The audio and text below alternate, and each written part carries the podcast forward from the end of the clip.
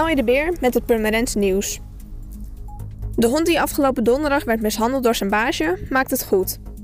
De man ging totaal door het lint nadat zijn hond een kleine hondje aanviel. Bij het incident waren veel ooggetuigen. De man had drie honden bij zich. Alle dieren zijn door de politie in beslag genomen.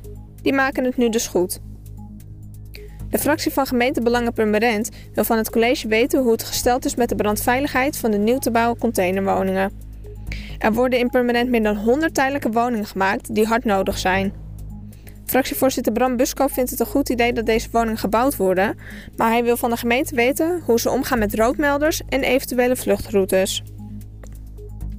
De gemeente zoekt naar oplossingen voor het verkeer dat tegen de richting inrijdt bij de Van IJzerdijkstraat. De afgelopen jaren zijn er veel meldingen binnengekomen over de overlast die het geeft. Per dag rijden er zo'n 100 auto's tegen de richting in. De gemeente gaat nu naar vier verschillende opties kijken om dit tegen te houden.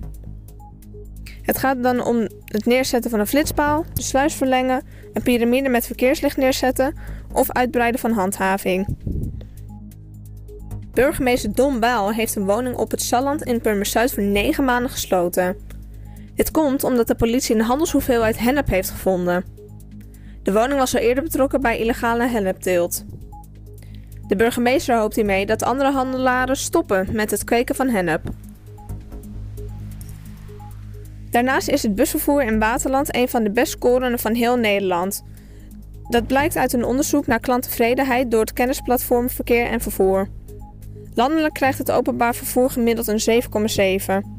In Waterland wordt het gemiddeld iets beter beoordeeld met een 7,9. Wel is dit lager dan vorig jaar. Toen kreeg het het cijfer 8. Voor meer nieuws kijk of luister je natuurlijk naar RTV Permanent.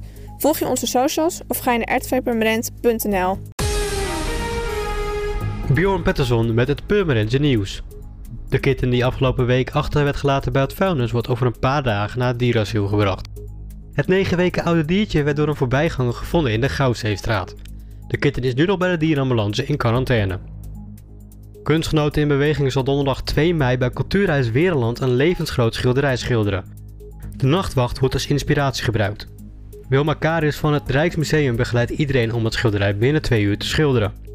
De cursus duurt van 10 tot 12 uur en meer informatie is te vinden op onze website. Gemeente Purmerend gaan het verschillende toeristeninformatieborden kijken. De meeste borden staan er sinds 2010. Veel informatieborden zijn intussen tijds kapot gegaan, vervuild of zelfs verdwenen. Omdat het toeristenseizoen weer begint, wil de gemeente dat de borden vervangen worden. Voor meer nieuws, kijk of luister je natuurlijk naar RTV Purmerend, volg onze socials of ga naar rtvpurmerend.nl.